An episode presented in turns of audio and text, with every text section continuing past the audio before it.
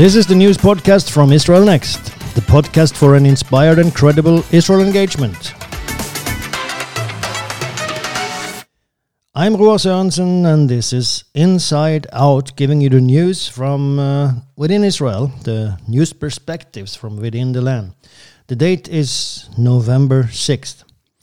So, as usual, we go straight to the first topic, which is uh, the Corona update. And um, as we know, uh, Israel is in its uh, second national closure, getting out of it now, uh, have started this exit strategy. The numbers are, are looking good, although the last few days they have been going a little bit up and down.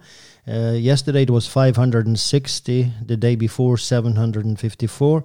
Uh, this up and down uh, going is expected uh, since they started opening the schools and uh, and um, certain other things uh, a couple of weeks ago, and um, now they um, are planning to open more on Sunday to open the small stores and so that people can um, not not the shopping centers, but people can enter these stores four at a time uh, they also plan to make some changes in how they run the schools, um, more people, more students together, and so on.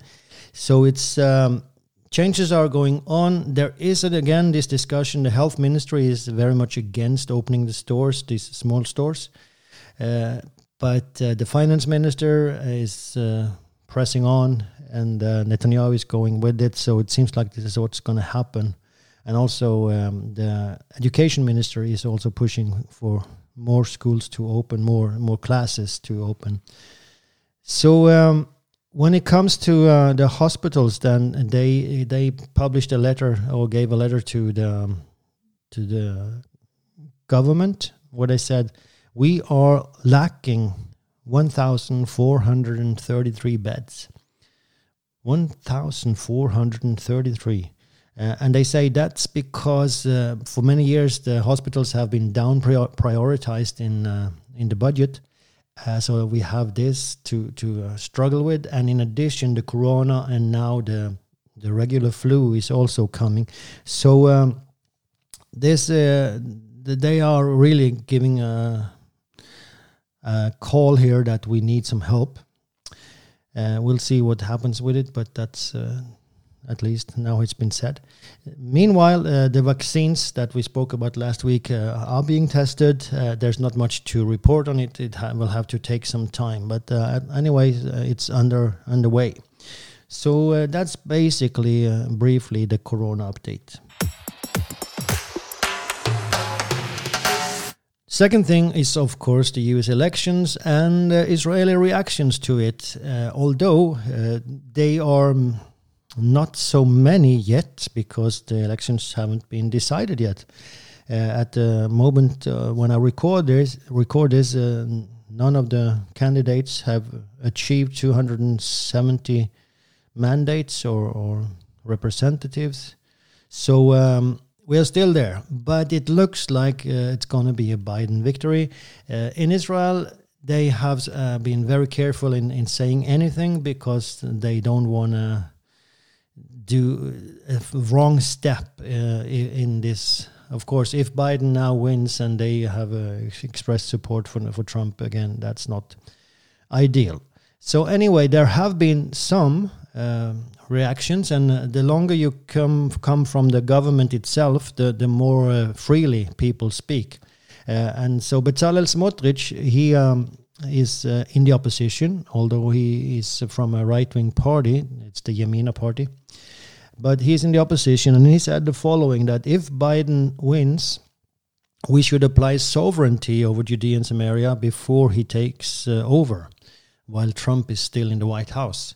And that's, of course, uh, he does probably doesn't speak about the entire uh, Judea and Samaria, but at least these 30% that uh, were part of the Trump uh, deal of the century.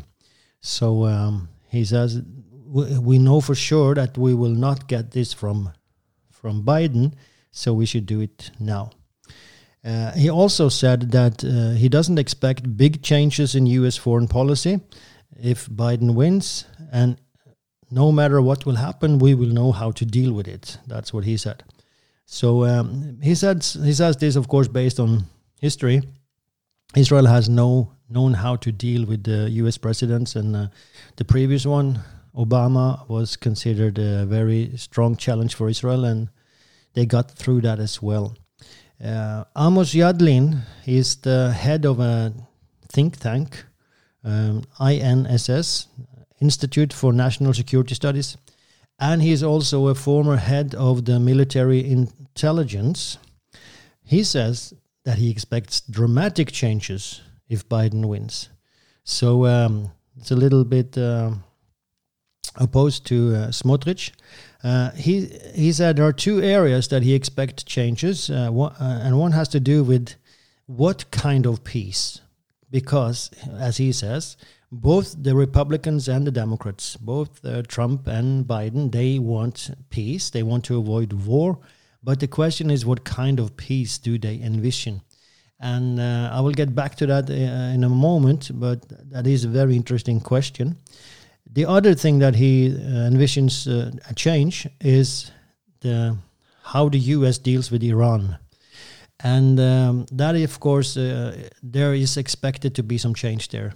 The, Trump changed Obama's policy 180 degrees by leaving the agreement that uh, Obama negotiated uh, Biden was the vice president under Obama, and uh, it's expected that he will try to re-enter this in, uh, this agreement, but uh, also improve it. And that's what many Israelis, Israeli politicians believe, and experts, that even if Biden will re-enter this agreement, he will negotiate it, and it will be better than the previous one. So that's at least their hope.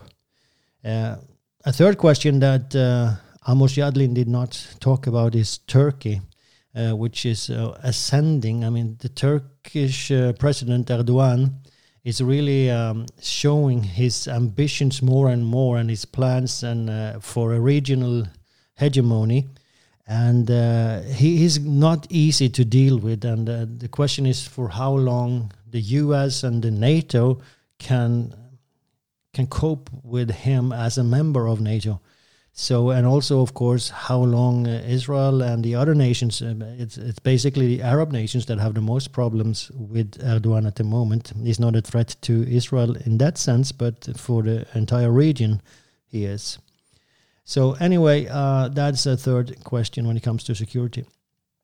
Uh, member of Knesset, Zvi Hauser from uh, the Blue and White Party, uh, the, from the coalition, then and he is also the head of the Knesset's uh, Defense and Foreign Affairs Committee. And he said, no matter who will win, Israel will have a friend in the White House. So uh, it's pretty optimistic uh, things that we hear from Israel. That uh, even if with a Biden victory, we we uh, will have a friend over there. He also said that a new Iran deal will be better than the previous. That's his expectations. Danny Danon, uh, he is a former UN ambassador, and he said we should uh, be grateful to Trump and get used to Biden. So uh, they are preparing for a Biden victory. Uh, when it comes to the international community, Danny Danon, this former UN ambassador, he said the following On the international arena, we will have to explain ourselves in a lot of areas where before our stance was simply just accepted.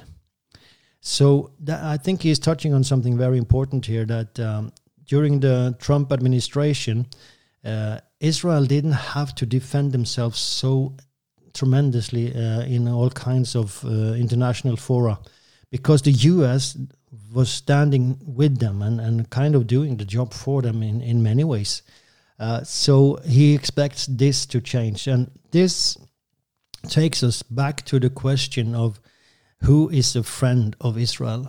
Because uh, Zvi Hauser said we will have a friend in the White House even if Biden goes there, and that's also the the tune that you hear in Israel that Biden has a record, a political record of supporting Israel. He is a friend of Israel. He also himself expresses that he's a Zionist.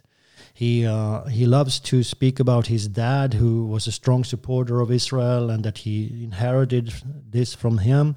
and has this strong record of voting for Israel um, uh, when it comes to the military hegemony in the region uh, and so on, support for, for, for US support for Israel militarily.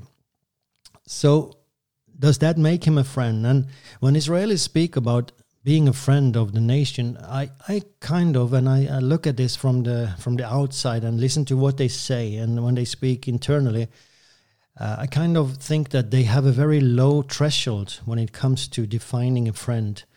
Uh, anyone could be a friend if you just accept the existence of Israel. That's kind of my my uh, understanding.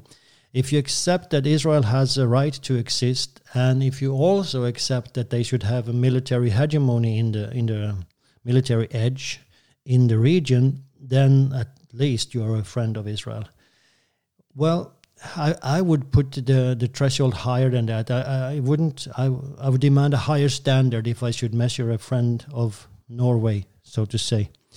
Uh, but they haven't got used to this. They they're not used to many true friends. So anyway, uh, when it comes to uh, Joe Biden, then would he be the the kind of friend that Obama said that he was? He, he also called called himself a friend of Israel, and he said, but a friend has to tell the truth sometimes, so he has to tell the truth and and then he used that to implement policies that Israel was very strict opposed to. So when that truth is just a cover up for a political ideology that is against what Israel wants, then of course this is problematic. And that's kind of the feeling you had with uh, president obama that it wasn't a matter of truth. He, he formulated it as truth but it was really a political ideology uh, that was very critical of israel. So that's not the kind of friend that israel would like to have in the white house now joe biden isn't obama uh, but uh, the biden has a similar attitude uh, that uh, he knows what is best for Israel, and that's the same attitude that, that the European has. Europeans have, uh, and one um, Israeli commentator pointed out this that this is his his uh, throughout history has been his tendency that he knows better than Israel what is good for the Jewish state. Anyway, there's no doubt that uh, Joe Biden supports the existence of Israel and a strong Israel. He supports their military edge. But does he want the Jews, does he want Jewish presence in Judea and Samaria? Does he believe that the settlements are okay? And the fact of the matter is, no, it's very clear. If you look at his record and look at his reactions, I spoke about some of this during my our last podcast, uh, Zoom Out. Uh, so he doesn't accept that. Uh, what about Jerusalem? Is he for dividing Jerusalem, or does he want Jerusalem united under Israel? According to Michael Oren, who was a former ambassador to the US, Israeli ambassador to the US, Michael Oren says he's also a um, has a doctorate in American history, so he's really into these things. And he said that uh, Joe Biden, uh, he probably will be for dividing Jerusalem He's for a two state solution, and that includes being uh, for uh, East Jerusalem becoming part, uh, becoming the Palestinian capital. So that's what Michael Oren said. Um, Oren also said that uh, he might, Joe Biden might even change what Trump did when it comes to the embassy. Not move the embassy back to Tel Aviv, but what Trump did was that he closed two American consulate, consulates in Jerusalem and established an embassy instead, which is kind of logical. If you have an embassy, you don't need consulates. But those two consulates were one in East and one in West Jerusalem. So, what Biden might do, according to Michael Oren, is to establish an embassy in East Jerusalem for the Palestinian Arabs. I really hope he doesn't do that because that is a huge symbolic statement, and it almost that it is as if you relate to the Palestinian Authority as a state if you establish an embassy there. Uh, that he might re-establish the consulate, that might be, but I really hope uh, he doesn't establish an embassy. But Michael Oren believes he might. What is true, uh, or at least what I find myself that to be pretty obvious, is that there will be no more gift packages to Israel.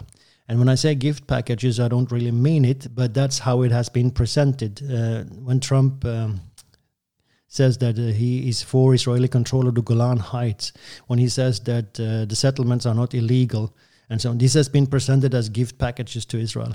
In in uh, practice, is just saying uh, the truth of what it is, because there is historical truth to this. There is um, support for this in international law. So it's just setting things in the right order. So uh, I wouldn't present this as gift pa- packages at all. It's just the way it should be. The embassy should be in Jerusalem, of course, it should be. It's not a gift package. And anyway, it's, it's just finally somebody is doing the right thing. So, but, and even these things, I mean, they will not be there under a Biden administration. And a very good example uh, is how the U.S. is going to um, behave in the UN, in the United Nations. Under Trump, uh, there was moral clarity from the U.S. when they spoke about Israel in the UN.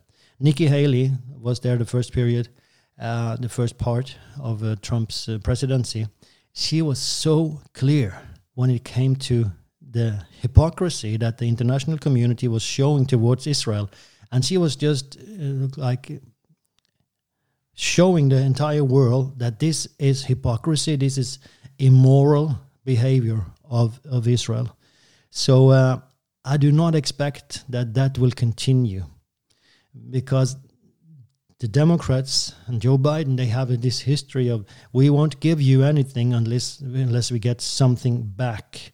So it's not that we just stand up for the truth because it is the truth, but then we want something. What what what will you give us back then? Will you stop building in the settlements? Will you stop uh, doing this and that? So um, that's uh, the atmosphere will be very different. Last thing, a comment on this when it comes to the elections and, uh, and Israel is that with the Democratic administration, with a Biden victory in the US, and the current coalition in Israel, there is a problem, a challenge. And that challenge is that uh, there is no right wing party in the coalition. The right wing party, the only right wing party in Israel that is in the Knesset is the Yamina, and they are not part of the coalition. That means that the coalition is centrist, political center. Likud is center right, and then you have blue and white center left, and you have the ultra orthodox in the middle there. So, with such a government, it will be hard for the prime minister, which is Netanyahu, to say no to American pressure when it comes to the Palestinian Authority, giving in to the Palestinian Authority, giving in to uh, demands. Because he cannot say that my coalition will break uh, break down, because those leftist parties they will go with go with those uh, suggestions. If he has Yamina with him, they will leave the the coalition, and the coalition will break down. Should should uh, pressure from uh, Biden and the international community be too strong. So um, that because of this, we might see that the elections in Israel uh, will get closer if Biden enters the White House. Uh, that Netanyahu would want to improve his coalition and get the right wing party into it. In order to use that to say, I cannot do what you ask me to do because my coalition will break down. So anyway, a lot of things that are going on and and uh, reactions and um, kind of trying to figure out where do we go from here. But as long as there is no uh, decision in the U.S., of course, it's uh, hard to say something conclusive. The UN, uh, it goes a little bit in the same vein as we just talked about. Um, but the UN has a problematic relationship to Israel. We've been speaking about this before. Last week, they uh, accepted uh, seven resolutions. They made seven resolutions in the General Assembly. Uh, the General Assembly is where every nation, uh, member nation, has a vote. So 193 member nations. And seven resolutions were approved against Israel. Against the other states in the world, none. So this is problematic uh, because uh, for many reasons, and I'll, I'll uh, I have some quotes here from some of these resolutions. But there were resolutions on UNRWA, there were resolutions on the property of the Palestinian Arab refugees, uh, there were a resolution on the Golan Heights uh, and the Druze population there, which are Syrian citizens. Uh, there was uh, on the Golan, yes, and on Israeli practices in quotation marks the occupied territories. So, and all these lang- uh, resolutions have a language of condemnation. It, it's condemnation after condemnation against Israel.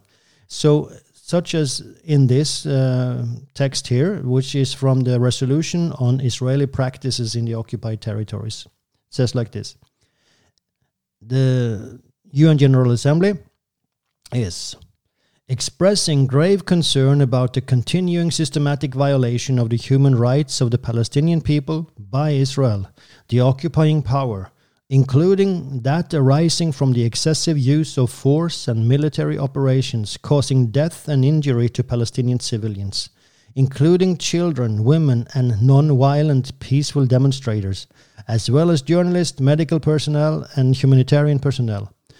The arbitrary imprisonment and imprisonment and detention of Palestinians, and it continues and continues. Uh, we they express grave concern over these things and of course this is this is so disconnected from reality because there's only one side here there's not there's nothing first of all much of this is is not true it's uh, uh, it's very twisted view of what really goes on on the ground so but this resolution then was approved by the UN General Assembly by 138 nations. We said that there are 193 in total, but not everybody were present. So 138 nations voted in favor of this, six abstained, and nine voted against. Those that voted for were, in, principle, all European nations except Hungary. But uh, in principle, all of our democracies Norway, Sweden, Finland, Germany, France, Great Britain, you name them, they voted for this resolution. It continued like this. It uh, demands, the UN General Assembly demands that Israel, the occupying power, every time it mentions Israel, it comes the occupying power, seize all measures contrary to international law, as well as discriminatory, discriminatory legislation policies, and actions in the occupied Palestinian territory that violate the human rights of the Palestinian people, including the killing and injury of civilians and so on. So, this is the language that they use and that our countries approve of without any condemnation of the other side, without putting anything of this into context, and, and taking it for a given that there are all these violations of international law. This is kind of standard texts that come again year after year after year. Now, um, the, those nations that, that voted against it was Australia, Canada, the U.S., Hungary, Guatemala, Marshall Islands, Micronesia, Nauru, and Israel. Now, in this resolution, uh, against um, Israeli practices in the occupied Palestinian territories. They also use uh, the. They speak about the Temple Mount, except they use only the word Haram al Sharif, which is the Arab term, the Muslim term for this place. They don't use both, only Haram al Sharif. And what they do by by doing this, of course, is cutting the Jewish connection what the UN General Assembly did last week, again, was to cut the Jewish connection to Jerusalem. It's systematic, it's ongoing. It's not something we can take lightly because it undermines the entire Jewish state. If the Jews have no claims for the Temple Mount, if that if the Temple Mount is Haram al Sharif, why are there Jews in this country at all? So here is the text that, that speaks about Haram al Sharif. We are, uh, the UN General Assembly is gravely concerned by the tensions and violence in the recent period throughout the occupied Palestinian territory, including East Jerusalem, and including with regard to the holy places of Jerusalem, including the Haram al Sharif. And it continues. So, um, first of all, the use of the word Haram al Sharif. Uh, second of all, it speaks about the occupied Palestinian territory including East Jerusalem. Now, first of all, the territory that we're speaking about is uh, Judean Samaria. According to international law, resolution uh, UN Resolution 242, the Oslo Agreement, and all other agreements, these are territories that are to be negotiated about. They are not Palestinian and it says including East Jerusalem. So, according to the UN and according then to our nations who voted in favor of this, these areas belong to the Palestinians. So, why should there ever be any negotiation? Why should Israel uh, even take this resolution seriously? Because they have already handed out the territory. It's very problematic, the use of those terms, and of course, the use of Haram al Sharif. So uh, I have no problem that they use Haram al Sharif because it is the term in the Arab world, but use Temple Mount as well because that is the historical term, the original term of that place. Okay, um, the UN, uh, there, there's a saying in um, Hebrew that says, um, If it wasn't so sad, it would have been funny. And when it comes to the UN, if it wasn't so, if the UN wasn't so influential, this would have been funny. Because it is so disconnected from history, it's so from historical facts, it's so disconnected from reality on the ground, day to day on the ground, these resolutions. And they keep just repeating them year after year without really checking or uh, is this really what is going on? Then the, our nations are, are just approving them without really checking this. And uh, it's as i said disconnected from history disconnected from reality. So it would have been funny if it wasn't for the fact that the un is extremely influential because these resolutions they serve as guidelines for our politicians when they make their decisions for our uh, academics for, for our teachers in the universities for our media, they refer to these resolutions in order to condemn Israel. And this has begun, been going on for decades. And what it has done is it has created an atmosphere, anti Israeli atmosphere in the international community, where Israel is presented, is seen as a villain. Because if, if I mean, use all these words, uh, so many nice words, so to say, disproportionate use of force, uh, violations. Uh, I mean, there's so many words here.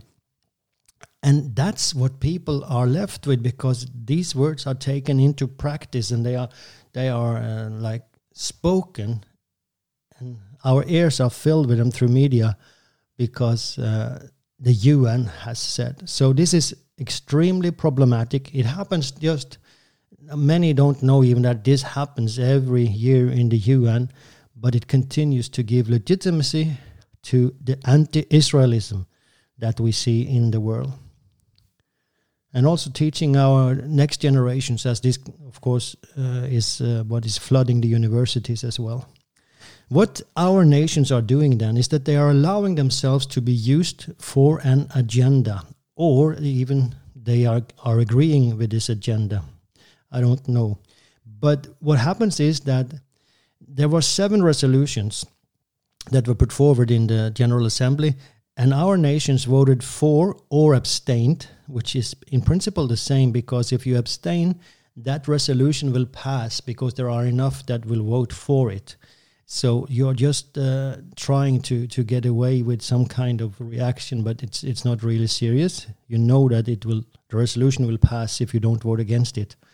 Uh, so they voted for or abstained in six of these, and one they voted against because the the language was just too brutal. It was just too much over the top. Now that's done on purpose because so that these nations can like say and stand up and say, "Hey, we did vote against. We do vote against when it gets too extreme." So that one resolution is included there to give them this self righteousness. Uh, I, I, must say these these are things that are problematic because I, I really react to this because it's such a hypocrisy, it's such immoral behavior, accepting all this other language to pass and justifying it by saying that well we stood up on this one. So um, the UN is the world's most immoral influencer. You know, we are speaking about influencers today. And, and the UN, of course, is a huge influencer, but it's such an immoral influencer. And we uh, must never let this pass. We must never just let it let it uh, pass uh, like uh, not uh, sim lev. Now my Hebrew just comes in here without paying attention to it because it does influence society. Okay, um, there has been rain in Israel. The rainy season, rainy season has started. So Wednesday and Thursday was good days with packed with rain.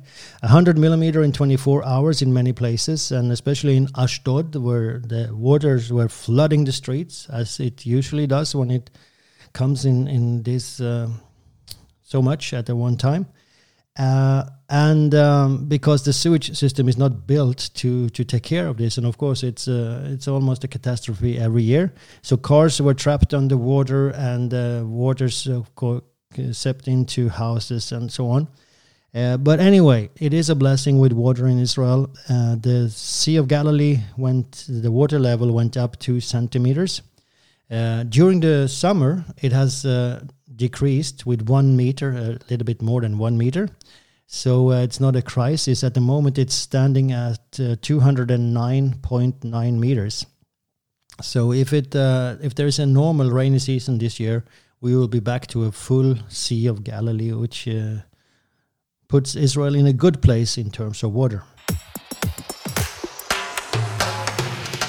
When it comes to archaeology, there's not so much to report this time, except that um, the reparations from, uh, or no, the research from uh, the Ur in Chaldea in Iraq is uh, finally over after 100 years. It has been going on there for 100 years. They started excavating in 1922 and it ended in 1934.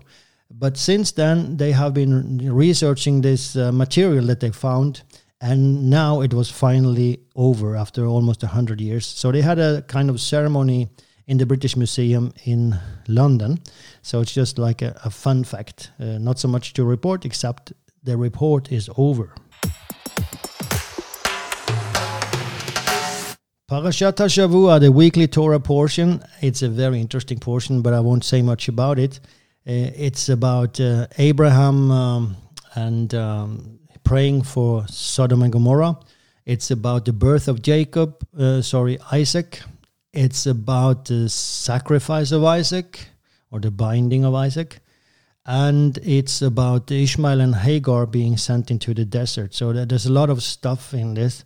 But I'll just mention a couple of things that I, I picked up from some rabbinic uh, commentators. And um, one is that Abraham, the fact that Abraham really enters into a clinch with God here and, and says, Do you really want to destroy Sodom and Gomorrah if there are righteous there? I mean, he doesn't just accept the fact that God said he will destroy it. and it seems also like God wants him to to protest because God spe- says to himself in the Bible it says should I hide for Abraham what I what I intend to do no I won't hide it so he says it to him but why would he do so if he didn't want this to change if he didn't want a reaction from uh, Abraham so Abraham does exactly what God wants him to do, and that has to do, uh, or that that kind of attitude has then come through the Jewish tradition that this belief that we can make a difference. Uh, it's called in, in Hebrew tikkun olam. The, we can repair the world. Uh, we don't have to accept that things just happen. There's something that we can do, and uh, it's really a positive and a good attitude. So. Um, that's uh, one thought. And the other thought that I, I was thinking about is um, that Abraham was praying for a city, two cities that were really in a bad shape morally. Uh, they, they, they were packed, filled with sin. It, it was completely immoral what went on in those cities. But Abraham dared, and, and not only dared, but uh, he wanted to pray for them he prayed intensively for these cities, knowing all the bad things that went bad things that went on there. And that is also something that we should learn from because we're living in a world that where there are many things that are bad that are happening. We should not like be disgusted and, and just distance ourselves from this. We should take responsibility. We should stand in the gap. We should pray for the sinner. God loves the sinner. So um, and good uh, lessons from this uh, portion. And of course, uh, in this, uh, as I said, this uh, weekly reading, you also have the story about uh, the binding of Isaac, the sacrifice of Isaac. And in Christian theology, of course, this is huge as it points to Golgotha. Well, that's all I had for this time. So, um, if uh, you want to support the work, uh, you know that you have the possibility. You can just go to our website, israelnext.com. Uh, and uh, meanwhile, until next time, say something good about Israel.